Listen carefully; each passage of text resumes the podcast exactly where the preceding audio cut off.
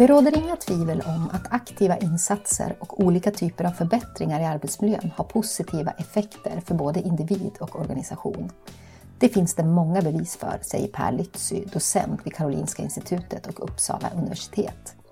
Han och Emelie Friberg, som är forskare vid Karolinska institutet, har tillsammans kartlagt vilken sammanställd forskning som finns om psykosociala arbetsmiljöfaktorer kopplat till hälsa. Och resultatet det presenteras i kunskapssammanställningen Psykosocial arbetsmiljö, hälsa och välbefinnande, en ny publikation från Myndigheten för arbetsmiljökunskap. I dagens poddavsnitt träffar vi Per och Emelie som berättar om arbetet med sammanställningen och vilka slutsatser man kan dra utifrån den samlade forskningen på området. Vi börjar förstås med att reflektera över den pågående coronapandemin och Per delade då med sig om sina tankar kring pandemins konsekvenser kopplat till den psykosociala arbetsmiljön. En, en fundering kring den psykosociala arbetsmiljön det är ju att i den situationen som vi befinner oss just nu i Sverige med eh, epidemin så arbetar väldigt många människor hemifrån om det går. Och något som har blivit klart för mig det är betydelsen av att träffa sina kollegor. Det är inte alls eh, på samma sätt att jobba hemifrån. Så den psykosociala arbetsmiljön, att träffas och umgås och utbyta erfarenheter professionellt och socialt, det är uppenbart att det har väldigt stor betydelse. Jag heter Liv Nilsson och jobbar som kommunikatör på Myndigheten för arbetsmiljökunskap. Det här avsnittet av vår podcast Arbetsmiljösnack ska handla om psykosocial arbetsmiljö kopplat till hälsa och välbefinnande. Podden är inspelad på distans på grund av rådande läge med den pandemi som vi befinner oss i. Och det här påverkar ljudkvaliteten, något som vi hoppas att ni har överseende med. Varmt välkomna! Innan vi dyker in i vad det är som ni har sett när ni har sammanställt eh, tillgänglig forskning så tänkte jag börja med att ni bara kort ska få beskriva begreppet psykosocial arbetsmiljö. Vad är det egentligen? Psykosocial arbetsmiljö det är när man betraktar arbetsmiljön ur ett psykologiskt och ett eh, socialt perspektiv. En arbetsplats som har en bra psykosocial arbetsmiljö, det är en arbetsplats som man trivs på. Det som gör begreppet komplicerat är att det är väldigt många faktorer som man tror påverkar den psykosociala arbetsmiljön. Den är en konsekvens av eh, eh, vilken typ av arbetsplats man har, vilka professioner som jobbar där, vilka arbetsuppgifter man har och vilka krav som ställs på en. Men också vilket ledarskap som finns eller vilken brist på ledarskap som finns. Och den psykosociala arbetsmiljön den påverkar, påverkas också av personerna som arbetar där och vilken eh, umgängeskultur som utvecklas. Just det, ja, när man hör eh, dig beskriva det här begreppet så man förstår ju att det är ett brett eh, område och det låter ju också som att det är ett, kan vara ett omfattande arbete att göra en sån här typ av kartläggning som ni nu har gjort. Jag är lite nyfiken på hur det har eh, varit att jobba med det här och, och hur har ni gått tillväga för att undersöka just och titta närmare på det här med friskfaktorerna? Kan ni berätta lite om det arbetet? Ja, alltså det var ju ett jätte det var ett brett arbete. Vi gjorde ju breda sökningar. Vi har gjort en kartläggande översikt. Det brukar ibland kallas för mapping eller umbrella review eller någonting eh, åt det hållet. Eh, så att ja, det var ett brett arbete kan jag väl säga. Eh, just att tratta ner det till en hanterlig mängd information. Mm. Och det vi har gjort det är att vi har sökt, eh, vi har gjort en systematisk översikt, eller vi har faktiskt gjort två systematiska översikter och det vi har sökt det är väl genomförda systematiska översikter. Så det vi har sökt det är forskning som i sin tur har sammanställt olika aspekter på vad man vet om den eh, psykosociala arbetsmiljöns betydelse. Så då, våran, våran kartläggning är på en väldigt övergripande nivå. Den visar var det finns bra sammanställd forskning. Mm. Nej, men vi har ju, I och med att Per sa ju också att vi har gjort två kartläggningar som vi har liksom slagit ihop till en eh, översikt. Eh, så att de här två systematiska litteraturöversikterna har ju både tittat på eh, interventionsforskning och sambandsforskning. Så vi har ju använt Eh, det här verktyget systematiska litteraturöversikter för att sammanfatta eh, forskningen på två olika typer av studiedesign. Och, och det finns eh, en anledning till varför vi gjorde två stycken översikter. Om man tittar på eh, regeringsuppdraget så var syftet med det att sammanställa kunskap om faktorer som skapar friska och välmående arbetsplatser. Så det som man eh, egentligen är ute efter där, det är att få kunskap om vilka faktorer som bidrar till, som orsakar friska och välmående arbetsplatser. Och det här med att fastslå orsakssamband, det är eh, ganska knepigt inom eh, vetenskapen. Som regel behöver man då studier som är experimentella, där man skapar en situation där man kan jämföra betydelsen av bara en enda faktor, till exempel en intervention. Så en av våra kartläggningar, där eh, tittar vi på sammanställd forskning av just sån experimentell forskning. I den andra kartläggningen där tittar vi på sambandsforskning och det eh, är också en väldigt vanlig typ av forskning inom vetenskapen. Och vid sambandsforskning där kan man eh, oftast dra slutsatser om det finns ett samband mellan en viss typ av arbetsmiljö och någon form av intressant utfall, till exempel ohälsa eller sjukdom. Men det kan vara svårare att dra slutsatser att det rör sig om orsakssamband. Så vi valde att ta med båda de här ansatserna och de kompletterar varandra, gör en bredare förståelse kring kunskapsläget. Mm.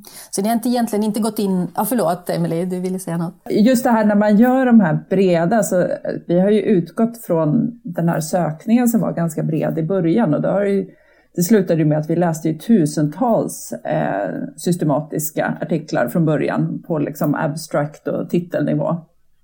Och sen har då, och efter olika steg i den här granskningen landat i att vi kunde inkludera över 40 stycken för varje område. Så att, eh, det är klart att eh, det var en utmaning i st största allmänhet att läsa så många artiklar.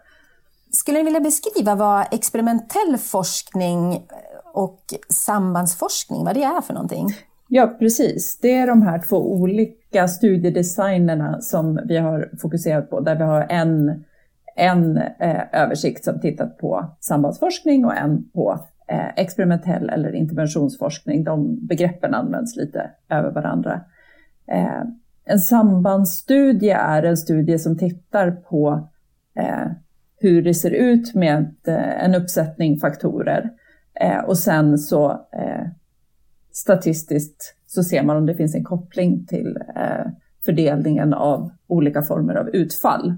Eh, och det kan göras både vid samma tidpunkt eller så kan det göras med en uppföljningstid däremellan så att man först tittar på hur till exempel eh, faktorerna på en arbetsplats ser ut.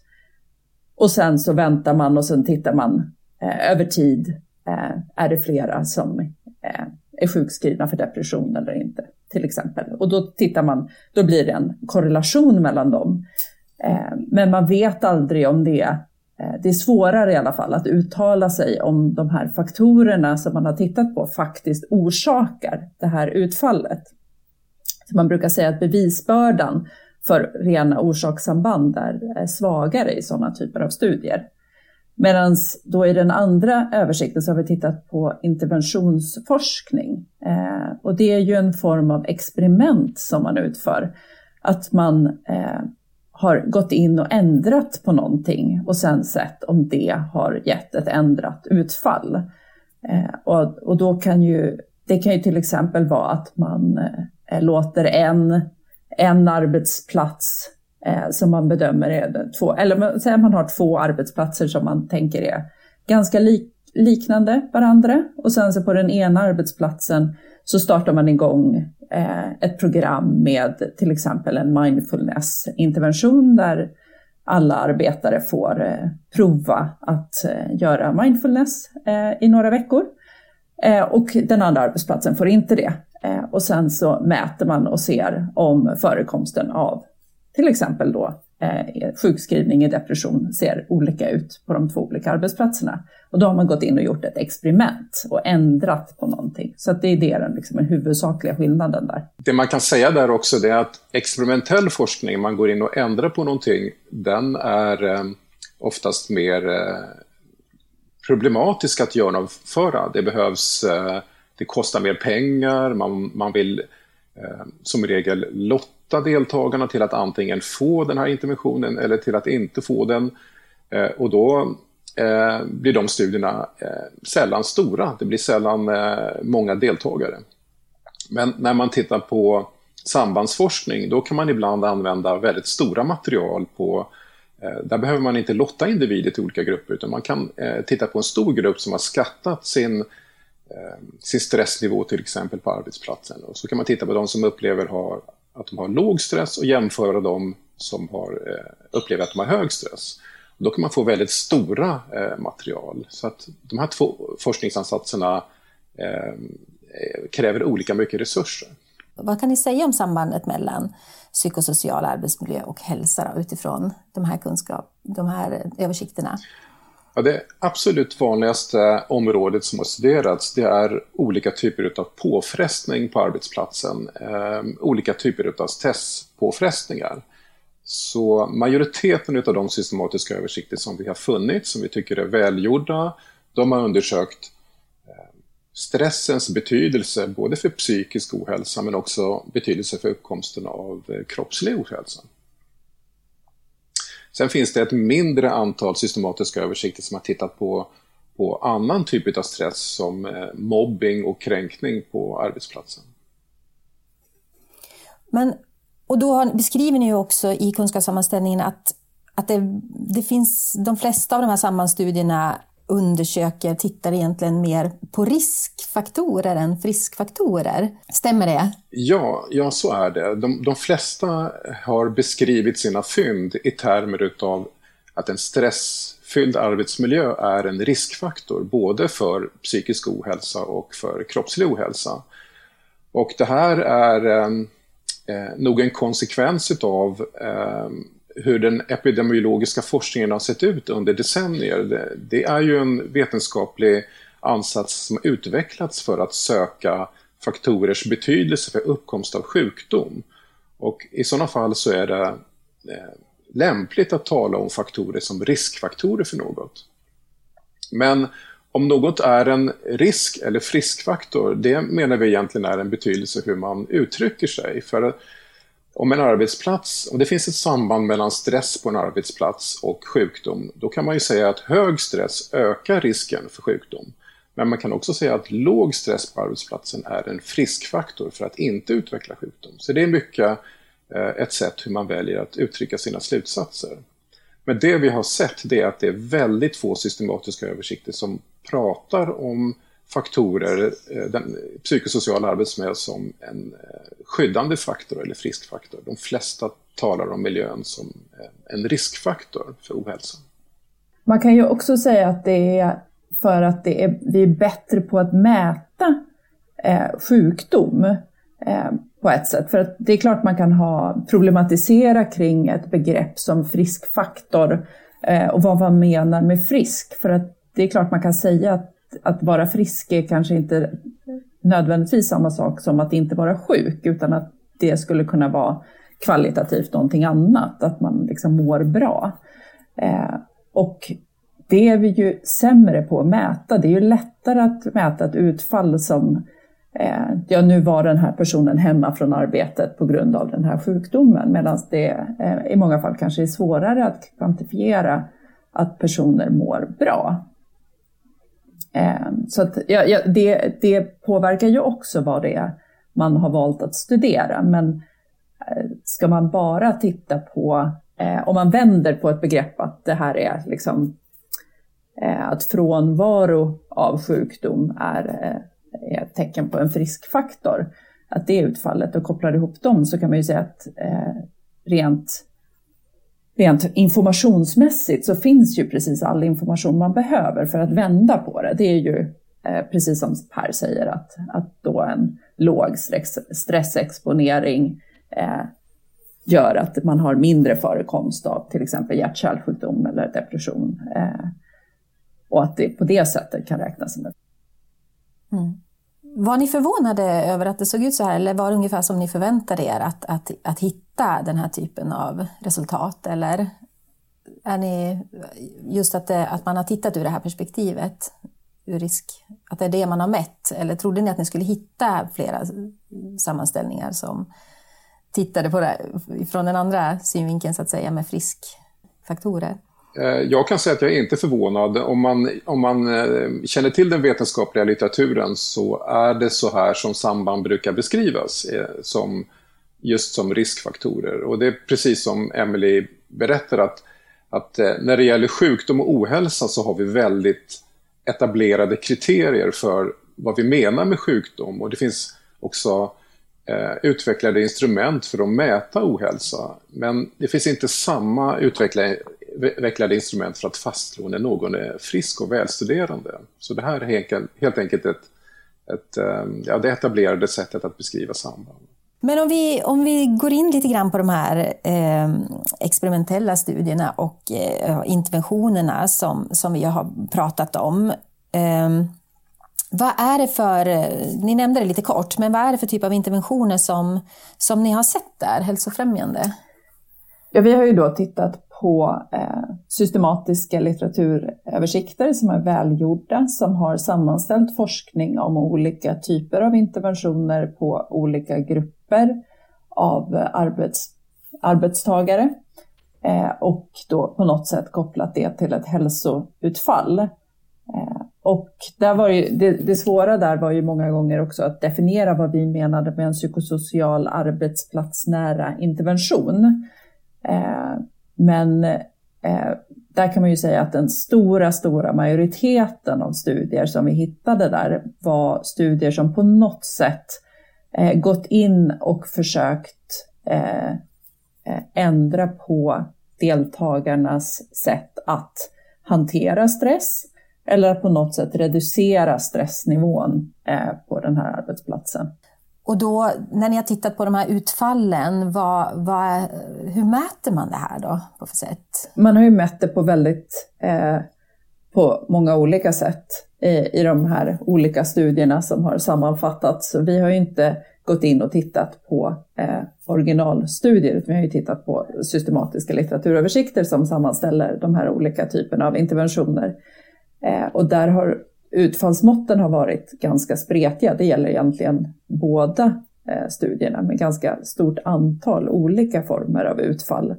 Eh, så det är både att man har självskattade eh, depressionssymptom hos deltagarna till exempel.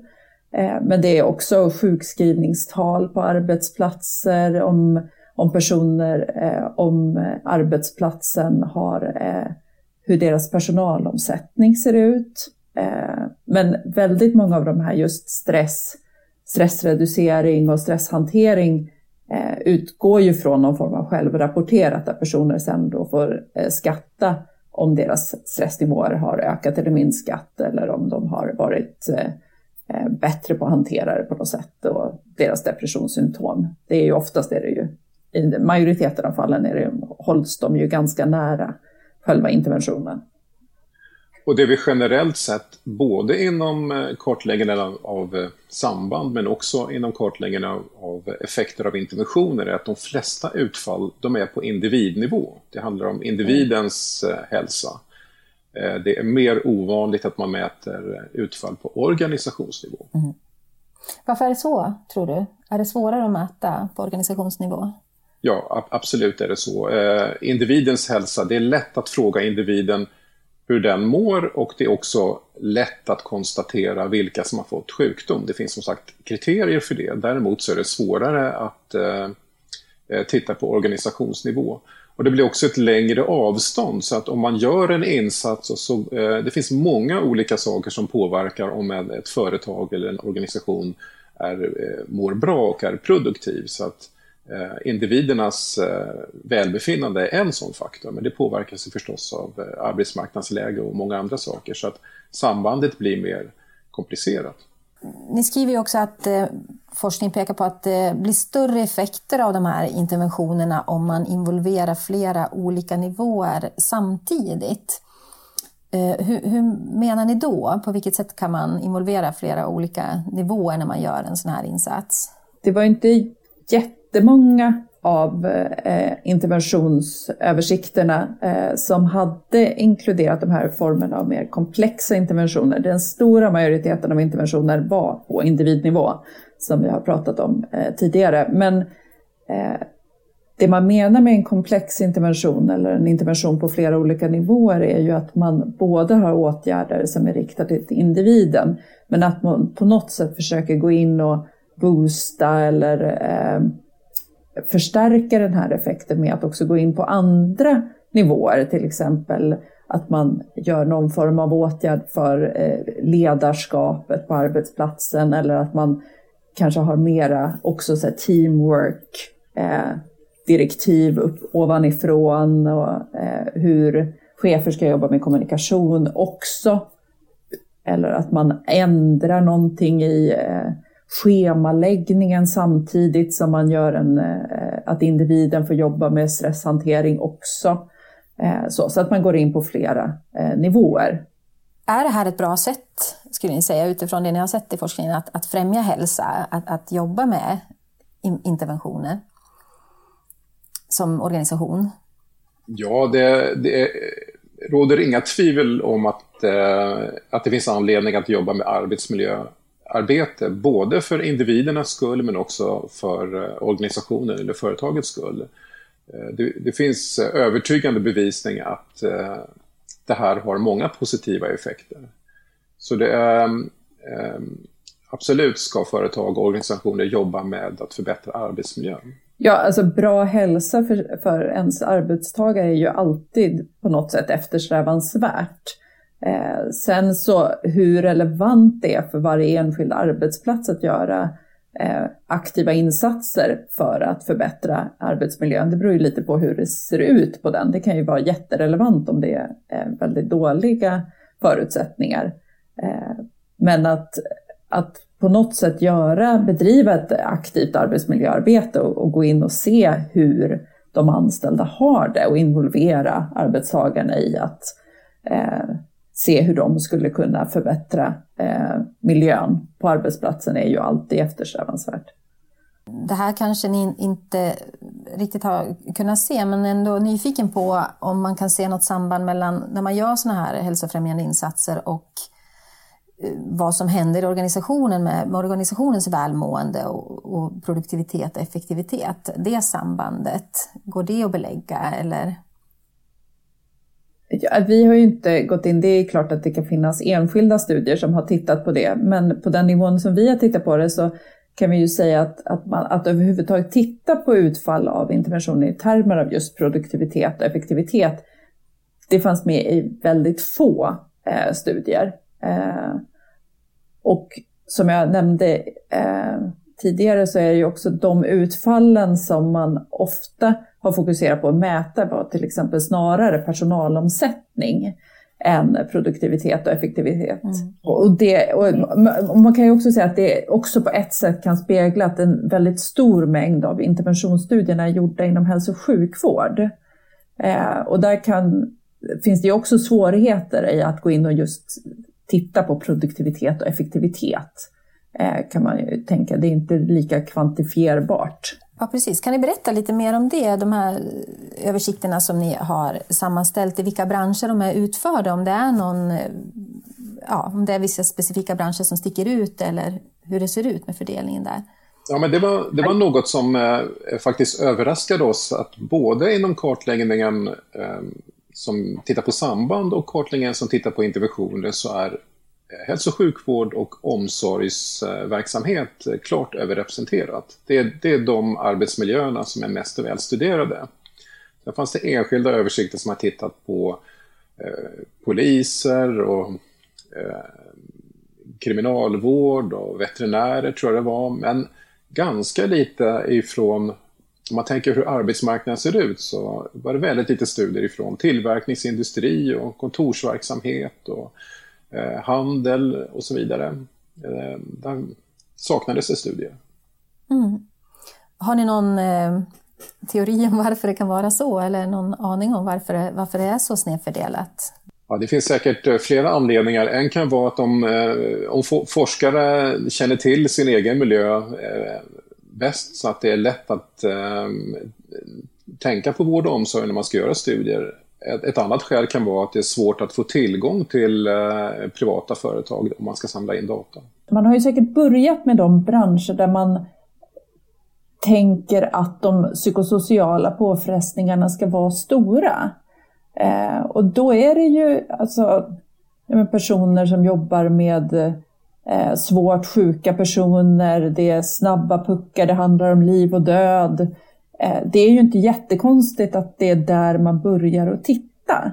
Eh, men sen finns det ju andra branscher som är ja, men stressiga, dåligt med resurser och eh, eh, så, som, som jag tycker skulle kunna tittas på i mycket större utsträckning. Eh, men att man förstår att det är eh, på något sätt att man börjar i de branscherna där man tror att eh, Dels att man tror att den psykosociala arbetsmiljön är ganska påfrestad och ansträngd. Eh, men också där, där man har problem med att folk blir utbrända och försvinner från arbetet och hög personalomsättning och därför vill gå in och göra en insats för att se om man kan få ner de talen. Eh, och då väljer man ju branscher där de är höga. Ja, nu har vi varit inne på det här med, med hur man skulle kunna bredda kunskapsläget. Eh, vad, har, har, ni några idéer om vad, vad det är man skulle kunna komplettera med? Vilken typ av studier eller en bransch eller så, om, om ni fick eh, bestämma? Jag tänker att eh, när vi tittar på studier så är ju det eh, resultat ifrån hur arbetsmarknaden har sett ut tidigare. Eh, men eh, arbetsmiljön och arbetsmarknaden har ju förändrats väldigt mycket och är under väldigt kraftig förändring. Så att det finns anledning att eh, följa med i utvecklingen och titta på hur, hur nya typer av arbetsplatser Eh, vilka konsekvenser de har för människors välbefinnande. Vad tänker du på något särskilt då? Eller har du något... Jag tänker att vi är inne i en process där eh, Eh, många utav eh, tillverkningsindustri finns ju nästan inte längre kvar i vårt land utan eh, de flesta av oss jobbar nu framför datorer och eh, digitaliseringen går väldigt snabbt så att vi, många arbetsuppgifter som vi haft de eh, kommer datorerna ta över. Så det här påverkar förstås hur vi också interagerar med varandra på arbetsplatsen. Så den förändrade situationen på arbetsmarknaden innebär också att vi måste göra nya studier för att se vad det får mm. för konsekvenser. Vad tänker ni, vilka är det som mm. har mest nytta tänker ni av den här kartläggningen nu som ni har gjort? Eh, dels är den en bra karta för eh, forskare. Vi visar var det finns forskning någonstans och också i viss mån var det inte finns forskning. Så att Ehm, utifrån den här bilden så eh, Eh, kan forskare bestämma vad de ska gå vidare med, vilka frågor de ska ställa. Eh, kartläggning är också av, av värde för de som finansierar forskning och eh, i viss mån är resultaten relevanta också för arbetsgivare, för vi pekar på vilken kunskap som finns. Och det finns mycket kunskap om att arbetsmiljön har betydelse. Har ni något som ni skulle vilja skicka med just till den gruppen, arbetsgivare, chefer och ledare eller andra som jobbar med förebyggande med arbetsmiljöfrågor och insatser som ni beskriver är viktigt utifrån det ni har sett. Eh, har ni något råd att skicka med till dem? Gör något. Eh, att intressera sig för sina, arbets, eh, sina ar anställda, att göra någonting, arbeta aktivt med arbetsmiljön. Ja, det, det tror jag också är ett, ett väldigt bra råd. Vi har ju visat att det finns många olika typer av insatser, men man kanske inte ska välja vilken som är mest effektiv utan mer gå rakt på och fråga sina anställda hur mår ni och eh, hur vill ni att vi ska jobba med den psykosociala arbetsmiljön? Och utifrån det så ska man göra någonting. Och det tror jag kan ha positiv effekt bara det, att man intresserar sig. Vi tackar Emelie Friberg och Per Lytzy och passar på att hänvisa till vår webbplats www.mynak.se där du hittar den här kunskapssammanställningen i sin helhet och flera kunskapssammanställningar som också undersökt faktorer som skapar friska och välmående arbetsplatser.